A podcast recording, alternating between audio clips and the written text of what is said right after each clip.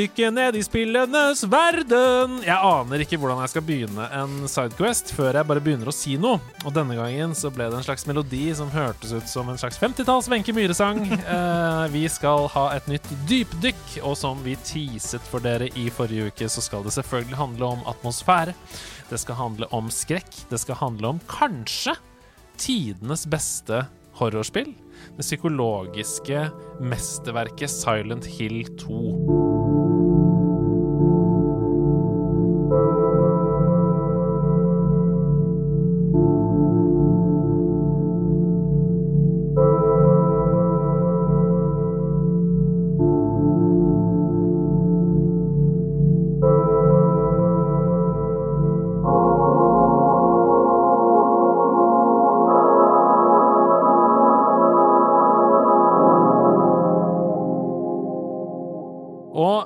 til å dissekere Silent Hill 2 på eh, bestialsk vis har jeg eh, hele Norges kjemiker og eh, riksnerd Alexander Sandtorv. Hallo!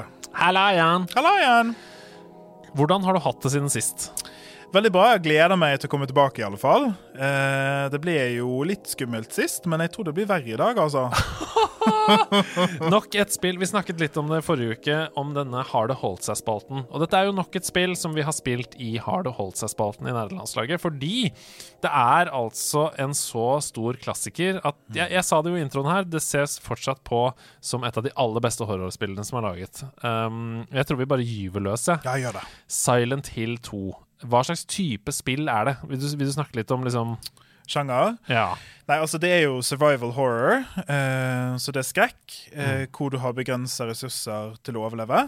Eh, det som er spesielt ved det, er jo nettopp måten det tolker sjangeren på en ny måte. Mm, for det er jo mer psykologisk skrekk enn jump scare-skrekk, som kanskje f.eks. Resident Evil var på denne tiden. Ja, sant? Så da har du hatt Resident Evil på den ene siden, som gjør en mye mer sånn jump scare, pang-pang, eksplosjon-ting, hvor, hvor det som er skummelt, egentlig er litt mer sånn eh, at du vet aldri når ting hopper på deg. Mm. Mens der Silent Hill gjør en mye mer besnærende, vanskelig, krevende og dyptgående, og derfor skumlere tolkning, Mm. hvor det som skjer egentlig inni hodet til en mann.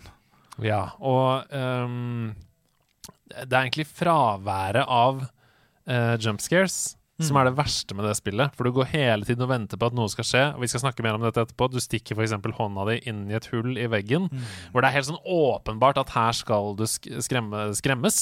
For, for, I hvert fall for alle oss som hadde spilt Resident Evil og sånne spill. Du, du sitter med pute foran øynene når du spiller det, og så skjer det ingenting. Du bare finner en nøkkel. Ja, sant? Og det er helt magisk for meg, da. Det er. Det er inni hodet ditt at du lager den skrekken. Men ok, hvilket forhold har du til horrorsjangeren som helhet? Ja, det er jo en av mine favorittsjangre. Ja. Eh, så Hvor begynte det? Nei, gudene vet, jeg er jo litt sånn fucka menneske, da. For det er det alle som sier sånn, det er en av mine favorittsjangere. Ok, hvor var det? Det er det samme som å si sånn, hvem var det som fant ut at melk kommer fra ku? Hvem var det som første gang? Ja, sant? Nei, det er jo noe med det som tiltrekker meg, da. Ja. Eh, men jeg er mye mer interessert i horror i spillform enn la oss si f.eks. filmform. Ja, det er For- interessant. Ja, sant? Fordi at jeg tror det er noe med at når jeg er del av det, så får jeg mye mer ut av den hvis jeg bare er passiv og ser. Men jeg har jo også, jeg leser veldig mye, blant annet. Og jeg har jo òg lest veldig mye horror gjennom livet mitt. Mm. eh, Og mye klassisk horror, ikke minst. Så det er et eller annet ved det som tiltaler meg. Men jeg tror jo det er fordi at det er et eller annet litt sånn galt med meg. Ja, men det er jo noe veldig sånn menneskelig med å være med å øh, vet ikke, oppsøke det å bli skremt. da. Det er jo adrenalinfremmende. Folk driver jo med, eh, med ekstremsport. Ja, sant. Og det handler jo også om å miste litt kontrollen. Mm. Så det å miste litt kontrollen, og bare være litt livredd, liksom, ja. det tiltaler jo noen. Og så tror jeg òg det er noe med, med redsel som følelse, for den er ganske tabu. Det er veldig få mennesker som liker å være redde. Mm. Eh, så det er en sånn del av følelsesaspekt eh, ved det å være menneske som vi ofte ikke får tak i så mye, og som Mm. vi ofte unngår. Mm. Så det er noe interessant ved å bli det, og stå i det. Ok, over til selve spillet. Mhm. eh, vi liker jo ofte i Dypdykk å begynne med å snakke om selve settingen som man Mm. befinner seg i her. Eh, og dette er jo det andre spillet i serien. Mm. Skiller settingen i Silent Hill 2 seg noe fra den første? Og hva, hva, hvor er vi her? Hva Ja, så det skiller seg. Ehm, det er samme by, men bare ved navn. Mm. Så det ligner ikke på byen i, Silent Hill 1. Eh, og det begynner på en kjempefin måte. Det er en av de mest rørende øyeblikkene jeg vet om, hvor du er da James Sunderland eh, og får rett og slett fortelle, så forteller med egen stemme at han har fått et brev fra sin døde kone. mm. Med en gang så skjønner vi at noe er galt, liksom. Mm. Eh, Så forteller da at hun er og venter på han i Silent Hill. Og så møter vi han jeg tror det er på en bensinstasjon eller et eller annet. Som er, Det er faktisk bare et offentlig toalett. det det det er. Med to speil og masse tagging og sånn, hvor Mm. han har parkert bilen sin utafor. Og det begynner det første møtet vi har med han, da er at han ser seg sjøl i speilet. Så bare Mm. sitt en liten pinne der, for det blir viktig etterpå. Mm. Eh, og da liksom Det ser ut til at veien er blokkert, og han må finne veien inn til byen da til fots. Han driver også og tar seg selv på ansiktet. Mm, så må man litt lure på om han fins. Ja. Er dette ekte? Mm. Der sitter allerede tonen. Og dette er selvfølgelig, sånn som dere hører, så er ikke dette sånn det ikke er klart sant? Det er små subtile ting som du må plukke opp. Eh, og så er det noe som jeg også syns Silent Hill 2 gjør veldig bra, det er å bygge opp stemning. Mm. Fordi at nå løper du egentlig bare langs en, en elv eller vann eller et eller annet, Mm. som er tåkelagt. Klassisk Silent Hill. Mm. Eh, til en litt sånn, eh, litt sånn rar eh, bakgrunnsmusikk. Eh, og det skjer ingenting. Du bare løper og løper og løper og løper, og det føles altfor langt fordi at det er altfor langt. Mm. Eh, så det bygger opp en forventning der, og du vet ikke helt hva som skal skje. Du hører også noen sånne rare, litt malplasserte lyder, f.eks. Sånn sagbruk i Mm. bakgrunnen. Og så er plutselig det helt borte igjen. Og så kommer du til en kirkegård. Um, Ja, og da møter du så, så vi skal møte en del karakterer gjennom spillet. Dette er den første vi møter, Angela, som Vi skal tilbake til karakterene etterpå. Jeg Ja. måtte bare sette settingen her. Så det er jo dette som er settingen. da Mm. Det er en by, det er fullt av tåke her, og vi har Mm. kommet oss ned til en kirkegård. Men før vi går ned i materien, så må vi også få unna litt sånn helt core gameplay. Ja. Hvordan er det man spiller Silent Hill 2? Ja, så da er du James. Um, du uh, Det er ganske klønky kontroll, tror jeg vi kan si. Det, det er vel det svakeste med spillet. Ja, det Eh, er det, det. aller meste annet er helt top notch, men akkurat det er ikke, det er ikke 100% Nei. Så da beveger du deg gjennom, eh, gjennom Silent Hill. Du kan plukke opp ting, så du har uh, items som gjør får, som har med helsen din å gjøre. Det er noen få våpner, og ganske mye sånne her eh, Quest items som skal Mm. hjelpe deg videre. Mm. Du har noen viktige ting. Den ene er selvfølgelig radioen, som begynner å skurre når det er monstre i nærheten. Og den andre er lommelykten, Mm. som du kommer til å bruke ganske mye. Og så har du kart, så du plukker opp i de ulike byggene du går. Eh, og det som er veldig bra med Silent Hill 2, som ikke Silent Hill 1 gjorde så mye, det er at James fyller ut kartet etter hvert. Mm. Og så er det veldig nyttig, da. Du skal Mm. inn i ganske store bygninger. Mm. Så gameplay-messig litt basic, kanskje. Ja, men det er, ikke sant, eh, du etablerer det her òg, det er liksom ikke et pek og klikk eller utforskingsspill, det er slåssing. Altså du skal s- slå ned monstre med planker, f.eks., Ja. i dette spillet. Så det er, det er ikke sånn eh, Det er ikke et horrorspill der du aldri får se det du er redd for, f.eks. Nei. Uh, du begynte på historien her. Eh, det begynner jo med James, som du sier, som får et brev fra sin avdøde kone, som er veldig rart i utgangspunktet. Mm. At, å få et brev fra en person som er død. Hun har på dette tidspunktet vært død i tre år. Hvorfor drar James til Silent Hill? Er det et naivt håp om å redde henne, eller er det for å være sikker på at hun er død? Hva tenker du? Ja, eh, han sier det jo veldig fint sjøl, at han skjønner at det ikke er normalt, dette her. altså han, Det det som er så fint, og det der Han tror jo ikke helt på det, Mm. fordi han skjønner at hun er død. Men så er det et eller annet der, da. Så om det er håp, eller om det er noe annet, det får vi se etter hvert, tror jeg. Mm. Men det ligger et eller annet ønske der om, om noe, tror jeg. Mm. Og med det så eh, kommer vi over til karakterene her. For uh, hovedkarakteren i Silent Hill 2 er jo åpenbart byen selv. Mm. Syns jeg, da. Nå Ja, må du bare obstruere meg hvis du er enig. For byen er jo levende her. Den har en samvittighet, syns jeg. Den har en motivasjon med seg. Eh, James finner et kart, for eksempel, på et tidspunkt. Mm. Hvem er det som har skrevet på det? Hvem er det som gir han instrukser? Det er jo ingen vi møter. Du, har jo, du kan jo accounte for alle karakterene, og det er ingen som har motivasjon til å skrive på det kartet. Mm. Eh, det, han står i en heis på et tidspunkt hvor det skjer et veldig sånn rart quiz-gameshow. Mm. Og det er jo ikke noe gameshow-host i den heisen. Det er byen, eller uh, kanskje James sitt hode. Uh, og du kan kun vinne dette gameshowet hvis du har utforska byen på forhånd. Sant? Så byen er en helt tydelig karakter. Har du lyst til å si noe om, om det, eller? Ja, det har jeg lyst til å si noe om, og jeg er helt enig med deg. Så byen er på en måte uh, Du har disse karakterene som alle er, er- er flyttende brikker i et større drama, og det er byen som både er rammen og fremkallingsvæsken. Så i byen så skjer ting, um, og ikke bare sånn handlingsting, men òg psykologiske ting. Um, og det er en av de store intrigene som denne her eh, universet spiller rundt. og at, at Det ser ikke ut som i Silent Hill 2 ser ikke det ut som om byen nødvendigvis er ond. Det er litt viktig for meg. I senere Silent Hill så blir byen veldig sånn ond. Det er mye mer enn sånn her at den tar det som finnes der allerede, og blåser det opp til ti. Eh, og det gjør jo òg at overnaturlige ting skjer. Eh, sånn som du sier, Det quiz-showet som kommer helt ut av det blå skjær. Eh, og det ligger en sånn nerve der på en eller annen måte, i det du ser, i det du opplever, eh, som leder oss litt inn i symbolisme. Mm. er vi klare til å snakke om det? Absolutt. For det er det jeg syns dette spillet virkelig skinner med. Det bruker masse, masse spillmekanikk eh, til å fortelle historien sin. Det er veldig sparsommelig i dialog, det er veldig sparsommelig på en måte i selve sånn fortellerstemmen, men veldig mye av det som skjer, eh, både sånn på handlingsplan, men også på psykologisk plan, uttrykkes gjennom da bilder, symboler, lyder, eh, og ikke minst, eh, ikke, minst det du får se på skjermen. Du tilbringer veldig mye tid i et fengsel. Det er ikke tilfeldig. Nei, selvfølgelig ikke. ja, det er veldig, og det er veldig mye sånne ting. Um, nå skal vi jo ikke spoile Vi må spoile litt. Um, det som er bra med Silent Hill 2, det er at det har 100 holdt seg. Så hvis du spiller det i dag, selv om det er 21 år siden det kom, så kommer du til å ha en fantastisk opplevelse, mener jeg. Um, selv om du spiller det i emulator på PC, uh, så kommer du til det. Og mot slutten av spillet så drar spillet det ut eh, med at det er en sånn kjempe, kjempelang trapp opp til det siste stedet som skjer. Og det er jo et åpenbart bilde på å ikke tørre å face eh, konfliktene sine eh, og problemene sine. Og det samme gjelder dette fengselet som du snakker om her. Men eh, la oss gå inn i karakterene. Du nevnte Angela.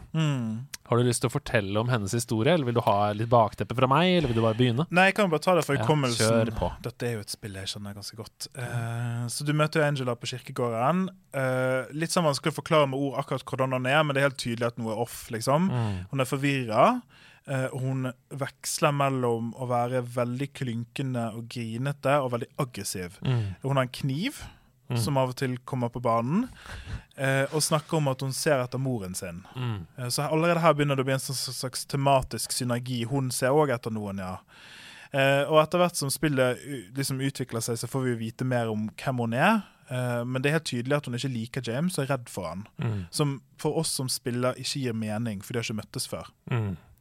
Og eh, dette er eh, spoiler alert, altså. Vi kommer til å spoile hele spillet Ja, ja, i, i denne podkasten. For det er et dypdykk. Så hvis du ikke har lyst til å høre mer nå, gå og spill Silent Hill 2 og kom tilbake etterpå. Men Angela er jo utsatt for et seksuelt overgrep av sin egen far, og drepte han i selvforsvar. Og det plages hun veldig av. Hun er suicidal. Eh, vi snakket om um, at byen er en karakter her. Og Angela sin, sin Silent Hill brenner jo alltid. Ja.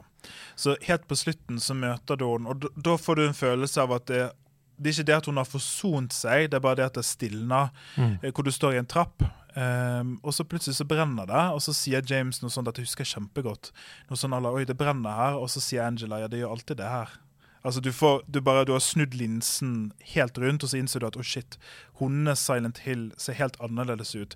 Og grunnen til at det brenner, er jo fordi at hun syns hun fortjener å være i helvete. Eh, så det er bare helt nydelig fortellerteknikk. Mm.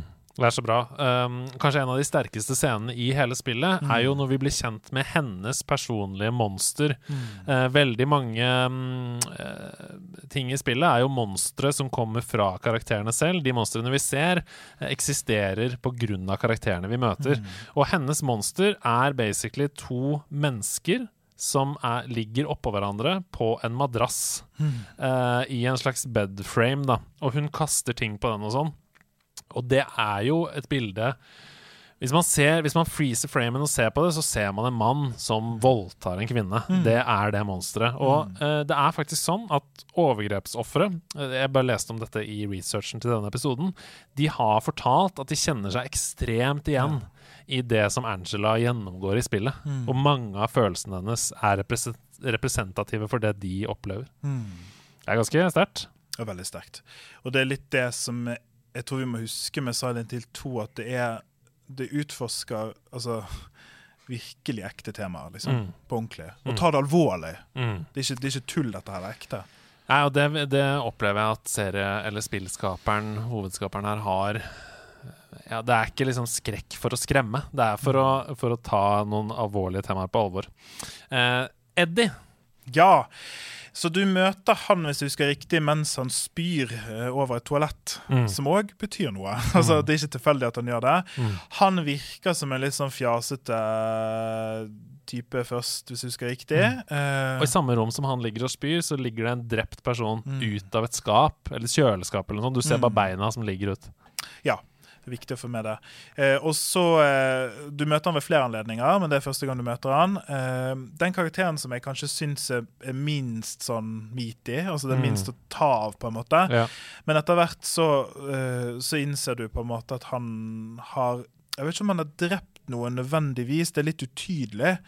Eh, han har iallfall gjort fæle ting med en hund, det innrømmer han. Mm. men det spillet ser ut til å antyde at han kanskje har drept noen òg, eller iallfall skadet noen alvorlig. Mm. Eh, og da ender du faktisk opp med å drepe han. Mm.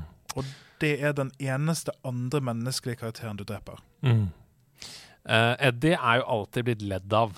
Uh, han tar ikke noe ansvar for egne handlinger. Mm. Han som du sier, bortforklarer hele tiden, men det er ganske tydelig at han eh, utover i spillet uh, går fra å si 'jeg har ikke gjort noe, jeg har ikke gjort noe, jeg har ikke drept noen', til å helt åpenbart innrømme at han har drept folk, og sier sånn 'men han, ja, han fortjente det', eller 'jeg gjorde det i selvforsvar', eller sånn. Eh, og i hans Silent Hill, litt som vi snakket om med Angela, så er det masse folk som ler han Mm. hele tiden. Mm.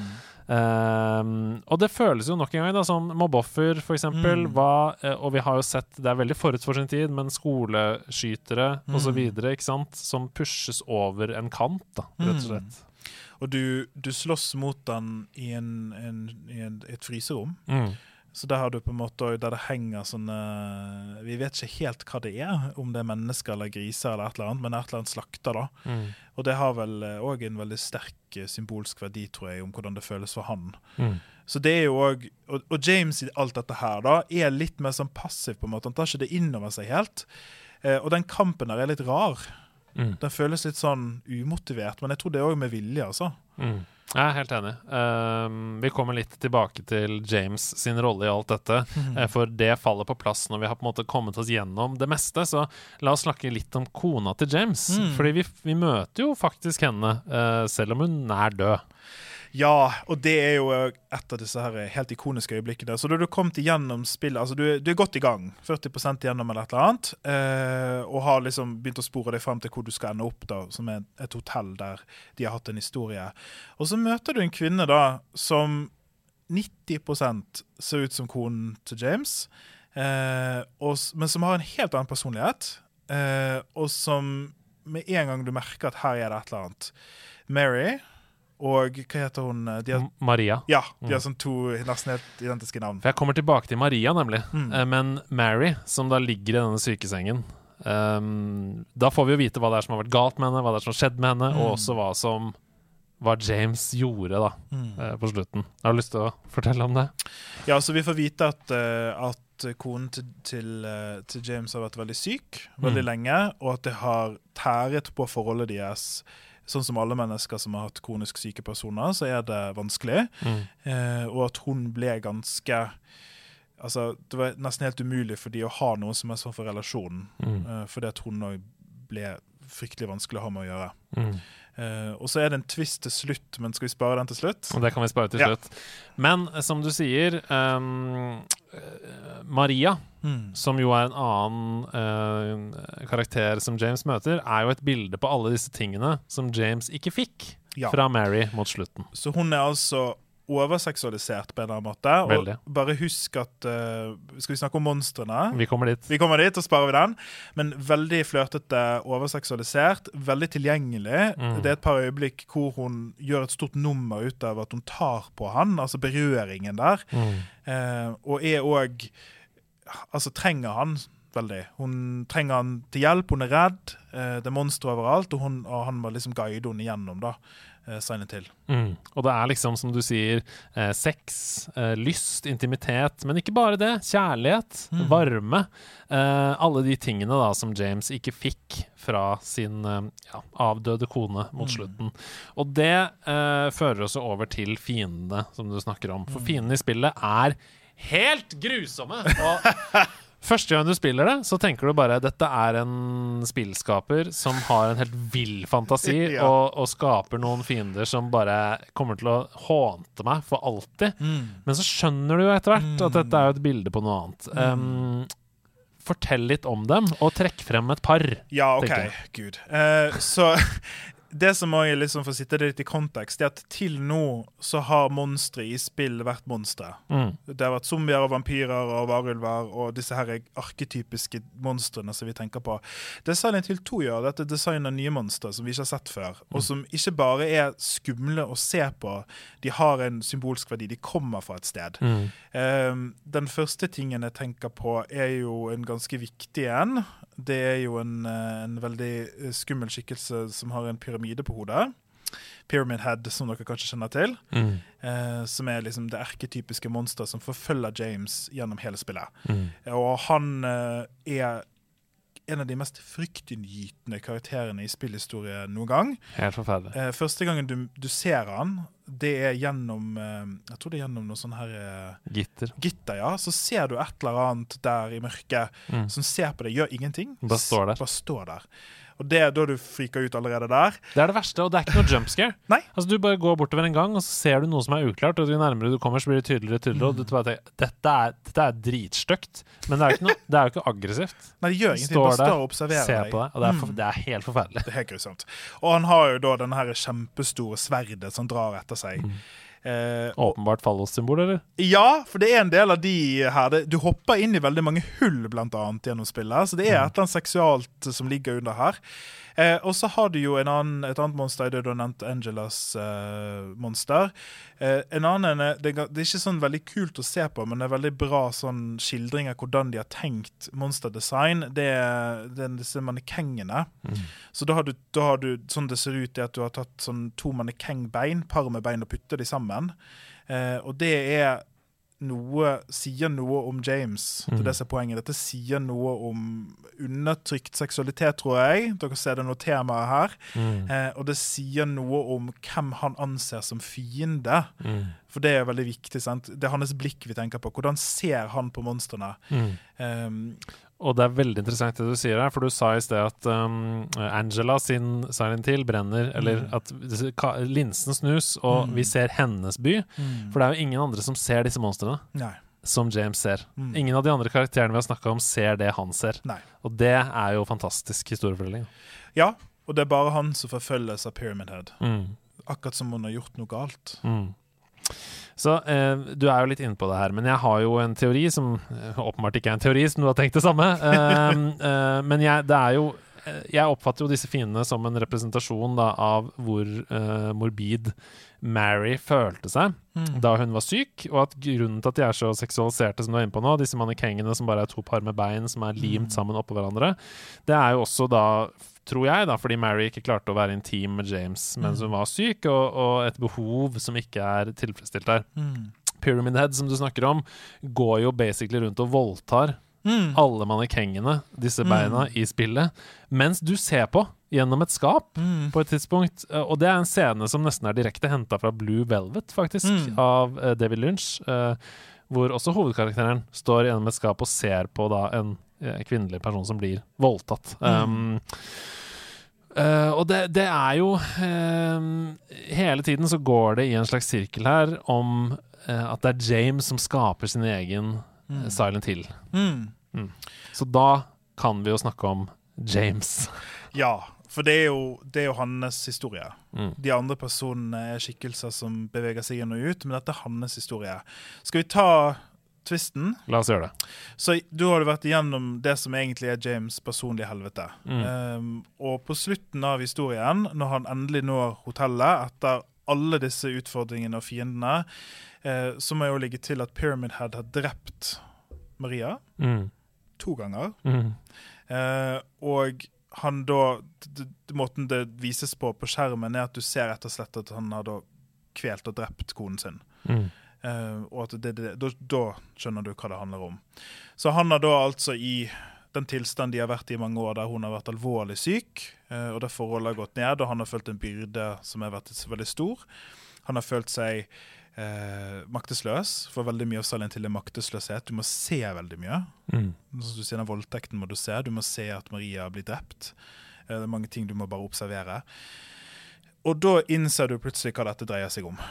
Altså at alt sammen har vært en slags psykose på et nivå, men at det òg har vært hans reise til å innse hva han faktisk har gjort. Fordi i begynnelsen og gjennom veldig mye av reisen, så, så er det en eh, siste karakter vi ikke har snakket om, Laura, Mm.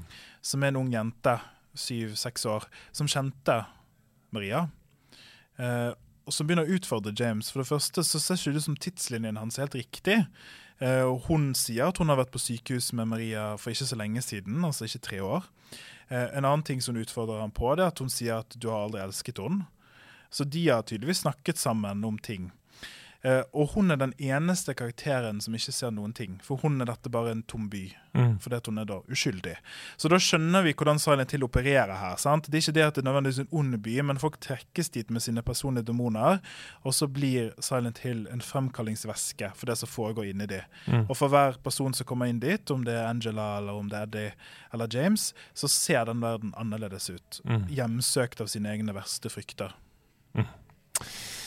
Og eh, jeg syns at vi skal si hva det er som har skjedd, det. Fordi eh, vi skal ta et litt sånt, på et tidspunkt også, metablikk på inspirasjonskilder og sånn. Mm. Så du kan jo fortelle da om hva James på en måte faller til ro med at han har gjort. Ja, så han har jo drept konen sin, da. Mm. Um, Av barmhjertighet, egentlig. Ja, for det er litt av en hva ending du får, da. Ja. Sant? Så det, det finnes ulike endinger her. Eh, Sånn, eh, jeg er glad vi gikk litt vekk fra det grepet. Det var veldig sånn poppis før med ulike endinger. Mm. Men i en av endingene så er det en sånn forsoning. Mm. Dette har jeg gjort, dette må jeg stå til rede for. Fordi Pyramid Head er jo hans bøddel. Mm. Det er han som skal holde han ansvarlig for det han har gjort. Og når James Endy eier det, og står ansvarlig for det og ser dette har jeg gjort, dette er min kriminalitet, liksom, så forsvinner jo Pyramid Head. Mm. Eh, og det er jo òg Altså, når vi snakker om spill som utfordrer, for en utfordrende slutt. Mm. Sant? Den karakteren som du har blitt faktisk glad i, som du har fulgt gjennom hele dette spillet, og som du har stått ved, og som du ikke har skjønt hvorfor alle behandler så dårlig, har gjort denne fryktelige tingen. Mm. Og det er slutten. Det er slutten. Det er slutten.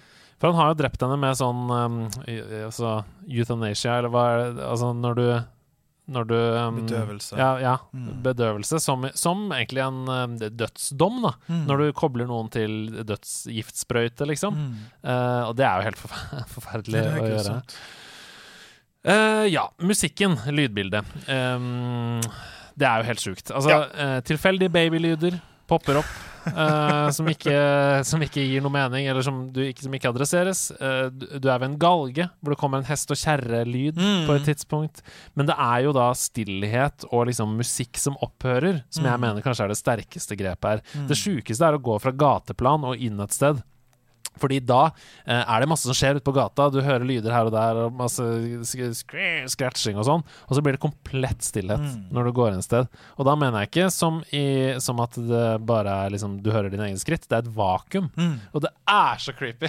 ja, for det er jo en ting de gjør. Altså, vi kan ikke, Hvis ikke du har spilt Silent Hill 2, så må du prøve. Fordi det er så vanskelig å forklare hvor effektivt det lyddesignet er.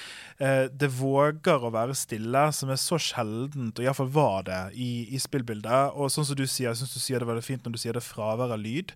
En annen ting er at det um, når det er paniske øyeblikk, som det er ganske mange av, uh, når du kryper gjennom mørke korridorer under Silent Hill, i fengsler, gudene vet hva som rører seg der, så er det nesten mekanisk. Det er veldig mye skrapelyder, det er veldig mye metall. Det er veldig mange lyder som er ubehagelige å høre på. Uh, som er det vil si postindustrialisert. Altså Det er bare disse metallydene av mm. gudene vet hva. Du, det føles som en maskin. Det føles som du mm. er inni en maskin. Ja, og du er jo det, ja. på en måte. Uh, og så har du musikken, mm. som er nydelig. Mm. Uh, det er dette er et spill som dere hører er så mørkt, men det er òg et spill som våger å være øm. Mm. Og en av måtene det er øm på, det er gjennom musikken. Mm. For det er noen av disse musikkstykkene, det er ofte piano det er snakk om, veldig enkle, veldig strippa, veldig rolige musikkstykker som er kjempeeffektive. Og det er spesielt f.eks. det øyeblikket når Angela forteller om hvordan verden ser ut, at fonen at det brenner. Det er, mm. helt, det er så fantastisk. Ja. Eh, og så har du Lauras temasang, som er en av mine favorittstykker. Eh, så det er, det er et spill som våger mye syns jeg. Ja, ja, ja. Og atmosfæren her er jo helt uh, unik. Altså uh, Jeg har ikke kommet i nærheten av denne atmosfæren i noe annet spill som jeg har spilt. Um, og, og, det som bidrar til den atmosfæren, er jo et ekstremt detaljfokus, da. Mm. Uh, alt i spillet er der av en grunn. Ja. Virkelig alt i spillet er der av en grunn, og det, det føles som en sånn der nesten på spekteret-greie. Eh, fordi du kan nesten lese noe inn i alle detaljer. Mm. Rett etter at du møter Pyramid Head for første gang, så finner du et lik foran en TV. Mm. Og det liket det er liksom groteskt spist av, med en åpen mage, og det er helt uh, grusomt. Og de aller fleste spillere da vil jo tenke sannsynligvis æsj, det var ekkelt, og så går man videre i spillet. Mm. Fordi man er vant med, og i hvert fall på den tiden her da det kom, så er man vant med at horror er sånn. Det skal bare vise deg noe dritt, og så skal du bli redd og så skal du gå mm. videre. Men hvis du ser nærmere, så ser du at det er James som sitter i den stolen foran TV-en uh, og ser seg selv drept og liksom spist av. Er så bra. Og det er så bra! Det er så bra. Og det er det òg at, at, dette hvis du, hvis, For det, det er òg en viktig ting å få med med at Silent Hill 2 utfordrer deg som spiller. Mm. Hvis din innstilling er at du skal bare gjennom, så går du glipp av det her. Mm. Men hvis du våger å se nærmere, så ligger du merke til sånne ting. Og da sitter han med ryggen til, altså, mm. i en stol. Han gjør det. Det er, det, er, det, altså, det er, ikke meningen at alle skal se det. Nei. Du, du ser det hvis du er nysgjerrig. Mm. Og det samme gjelder jo dette quiz-gameshowet i heisen. Mm. Du får det til hvis du er utforskende og mm. nysgjerrig. Men hvis du bare er redd, sånn som jeg var første, første timen Og så kom jeg på en måte inn i en slags mode som gjorde at jeg fullførte da Det er jo ikke så langt. Mm. Du kommer fint gjennom på åtte til ti timer eh, hvis du spiller Silent Hill 2. Det føles veldig langt, men det er ikke så langt. Nei, det er ikke så langt. Eh, det føles langt fordi det er forferdelig tungt å spille og mm. vanskelig, og jeg greide ikke spille mer enn et par timer av gangen. Nei. Og da blir det jo over en lengre periode, ikke sant. Mm. Men, men, eh, jeg tror du fint kan liksom komme deg gjennom på åtte-ti timer. Men uansett Uh, derfor, etter at jeg kom meg inn i det moduset, det var det jeg skulle si, så begynte jeg å se sånne ting. Men i starten så var jeg bare redd, ja. som sagt. Uh, men en forlengelse av dette, dette detaljfokuset Områdene er jo veldig rike, mm. som også var ganske sånn uhørt i skrekksammenheng. Det er jo en død by, mm. uh, nesten uten folk, men på et tidspunkt så kommer du f.eks. inn i en bar. Mm. Og du er i den baren i kanskje bare ett minutt. Mm. Og likevel så bugner den baren da av masse individuelle, ulike spritflasker. Mm. Det henger masse ulike glass fra taket, og de er ikke sånn at de har bare copy-pasta et glass i spillet og kopiert det. Alle er forskjellige. Mm. Eh, den baren den ser liksom nydelig ut. Den ser ut som den er fylt med objekter som gjør den levende, shiny. Den er helt clean. Den er klar til å ta imot masse kunder da, mm. i en helt tom, død verden. Mm. Og det bygger så sykt opp under det som er creepy. Fordi ja. det er helt off at den baren er så fin. Ja, og det er faktisk det eneste stedet i hele spillet det fins neonlys. Ja. Et rosa neonlys, hvis jeg husker riktig. Ja. Som gjør òg noe med, med, liksom Når du kommer inn der, så blir du bare stående og vente, nesten. Mm. Det er en forventning, sant? Her skal det skje noe. Her skal jeg møte noen eller snakke med noen. eller noe Ingen kommer. Skjer ingenting. Ingen kommer. Det er helt feil at den baren er så nice. og det gjør det så riktig, da. Ja, sant. Um, Silent Hill 2 det er jo uttalt inspirert av veldig mange fantastiske kunstnere Mm. og kunstverk. Um, Crime and Punishment Mhm. av Dostojevskij er sterk inspirasjon. Det er jo selve handlingen da, i Mm. spillet. Uh, Twin Peaks, som vi snakket om i stad, generelt Mm. David Lunch inspirerer jo hele settingen, um, men også enkelthendelser der. Så har du Seven, filmen, uh, og The Game, som er David Fincher, inspirerer jo da den psykologiske thriller-biten av det. Mm. Uh, David Cronberg uh, inspirert her, men, men eh, Francis Bacon Ja. og Andrew Wyatt inspirerer tydelig i ren art direction. Ja.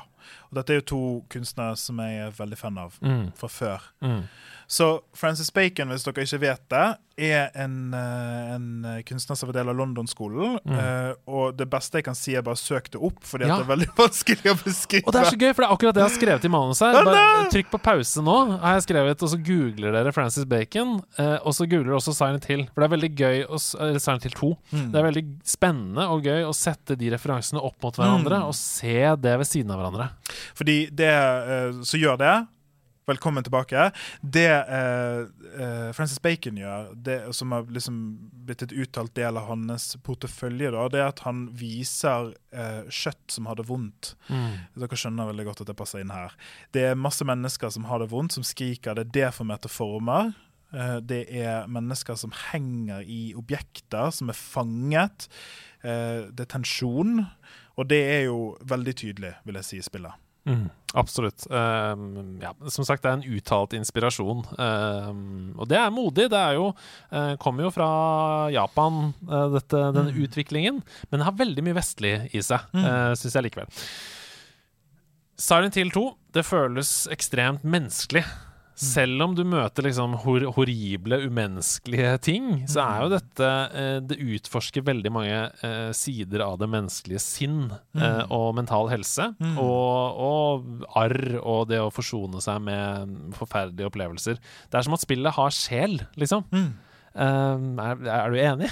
Ja, for det, det er det, da. At, ok, nå, nå hører dere, Hvis dere ikke har spilt det, hør, vi har snakket om fryktelig mange grusomme temaer her. Eh, men det som er det viktige, syns jeg, når alt er sagt og gjort og telt, det er at spillet gjør ikke det bare sånn for gøy. Altså, det, det tar ikke opp disse temaene bare for å ta det opp og sjokkere. For rundt alt dette så kretser det da en ømhet.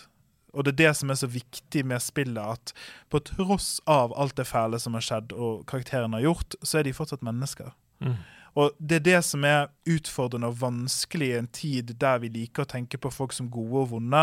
At ingen av karakterene i dette spillgalleriet egentlig er spesielt god, men likevel så kan vi føle noe. Mm. Og du kan ha de to tankene og følelsene samtidig. At vi kan synes fryktelig synd i James, samtidig som vi kan holde han ansvarlig for det han har gjort, sånn som han sjøl gjør. Mm. Og det syns jeg er så fryktelig modig, og det er en av de beste eksemplene på hvordan spill flytter noe. Sant? Det er derfor jeg valgte det spillet, fordi at det utfordrer måten vi tenker på ja, crime og punishment på. Mm, helt riktig. Uh, eller om det er riktig eller ikke, det får være opp til andre å gjøre. Men jeg syns det er helt riktig, det du sier der. Um, jeg leste i forbindelse med researchen rundt et spill at eh, det er flere som sier at de har kommet seg ut av depresjon, av tunge tider da, og andre mentale lidelser bare av å spille Silent Hill 2. Mm. At det rett og slett liksom fungerer som terapi. Mm. Eh, hva tenker du om det? Nei, det tenker jeg jo eh, er 100 gjenkjennelig på en eller annen måte. Og det er jo litt sånn altså for vi, snak, vi begynte jo, Inngangen her var jo horror. Survivor horror som sjanger. Hvorfor er vi fascinert av det? Og det er jo kanskje det da med at når du våger å se på det, når du våger å faktisk gå inn i det og undersøke det ordentlig, uten frykt For det er det, sant? du må være fryktesløs her for å komme deg gjennom opplevelsen. Sånn som du sier, Hvis du bare er redd, så stopper det opp. Så det gjør òg at da kan du kanskje på en eller annen måte plastre deg sammen igjen. Mm. Og jeg tenker sånn som James, når vi, når vi avslutter spillet og han har forsont seg med hva han har gjort, vi vet ikke hva som skjer etterpå, men det er noe med den ømheten da i det øyeblikket at han er sånn ja, dette er sånn det er. Mm. Med å innse realitetene og ikke flykte mer.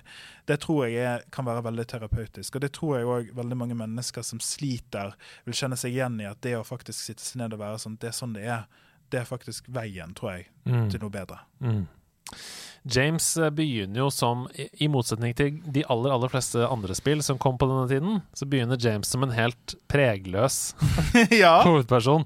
Han er ingenting. Han er en helt vanlig fyr Mm. uh, som ikke er sterk, som ikke er smart, som ikke er dum. Som ikke er, altså han har ikke noe I den ene eller den andre retningen er han ikke noe ekstrem, da. Mm. Uh, og så eh, får vi lov til å være med på en utvikling i løpet av hele spillet Mm. inni og utenfor hodet hans, som er veldig nyskapende Mm. og unikt på denne tiden.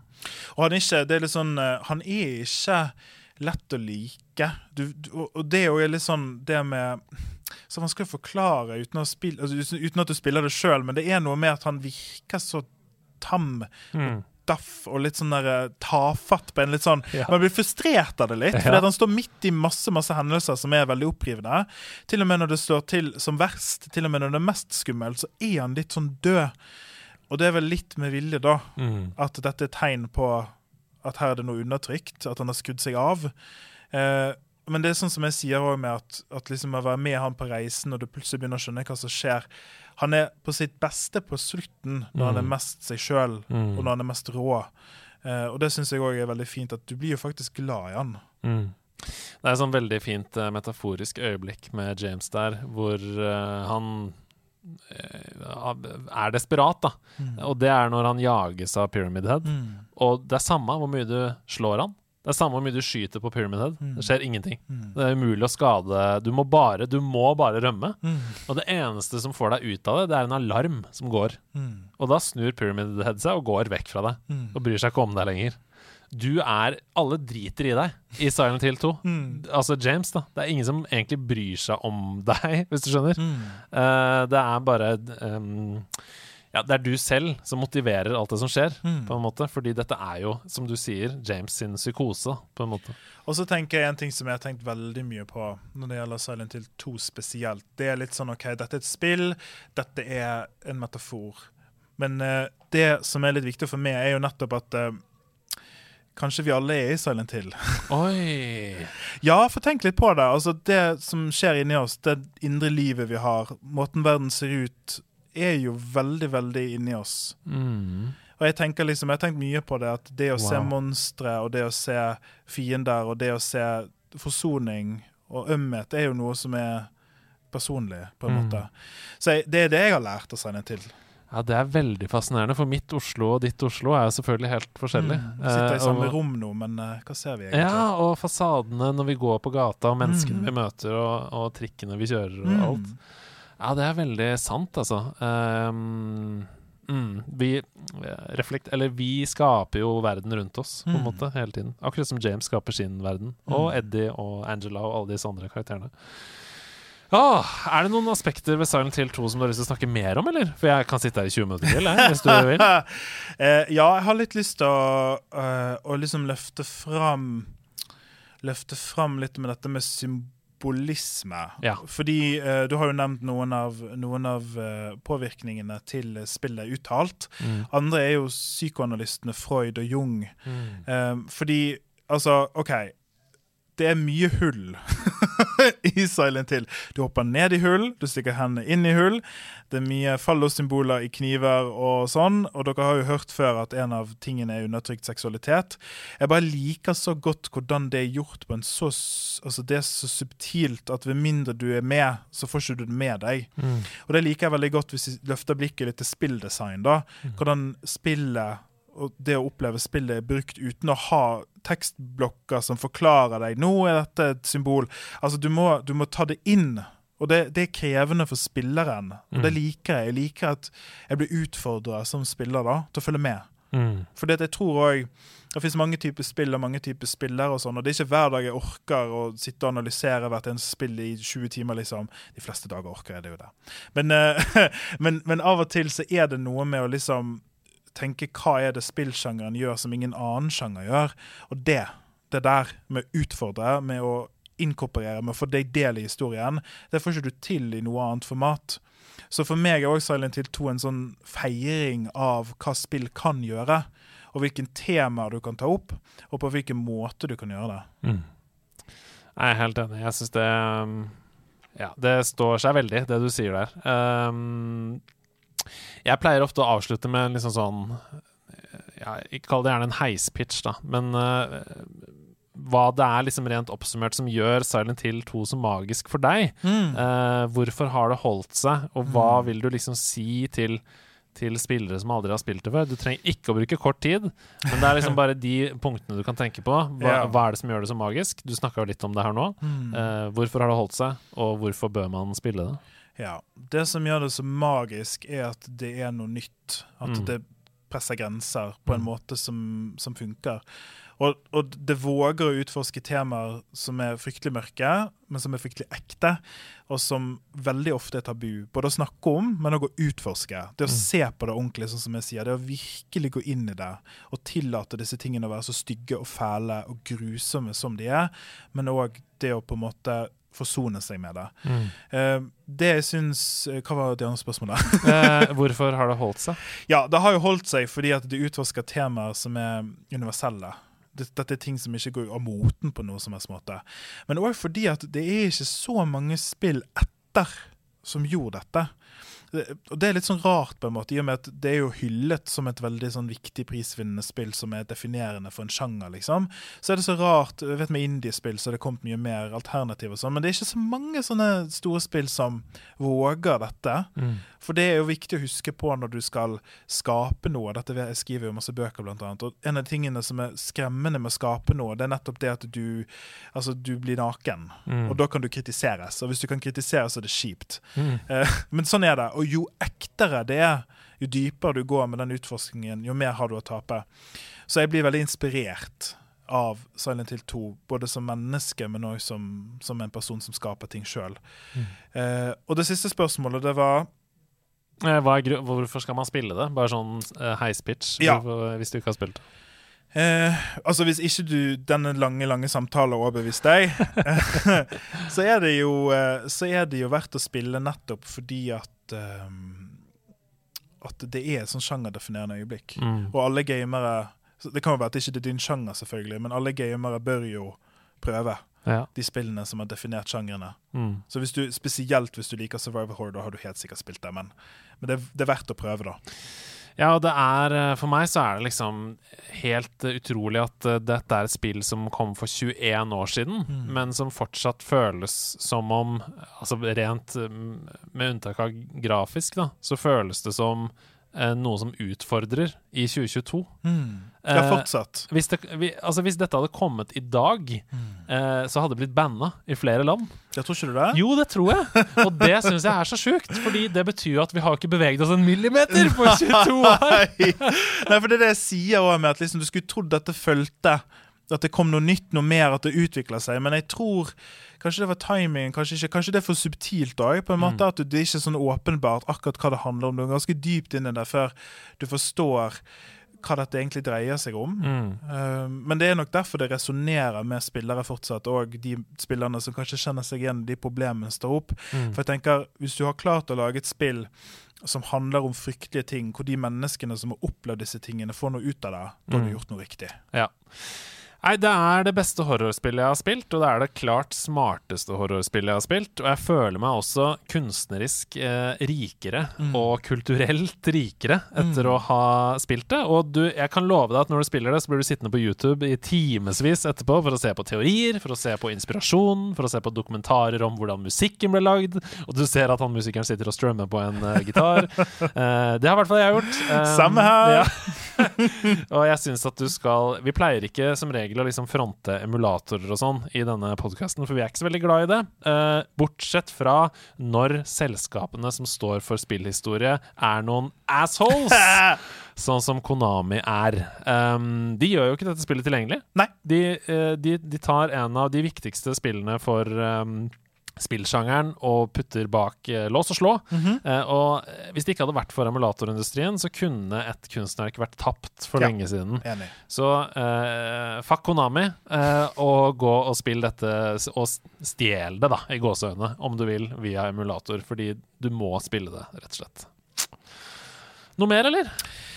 Nei, altså nå føler jeg faktisk at jeg har fått sagt alt jeg vil. Ja, jeg også. Jeg det, er, det siste jeg har lyst til å si, er at jeg syns det er en grusomhet at vi aldri får se Silent Hills som var uh, Guillermo del Toro og uh, Hidio Kojimas um, Og apropos at Konami er ja. fucktards. Uh, ja, nei, det er faktisk en grusomhet. For det er jo Altså, Siste tingen jeg har lyst til å si, er jo noe med serien. da, fordi Man sier jo ofte at Silent Hill Pika her, serien. Uh, og det er sånn som nerder kan diskutere til vi blir blå.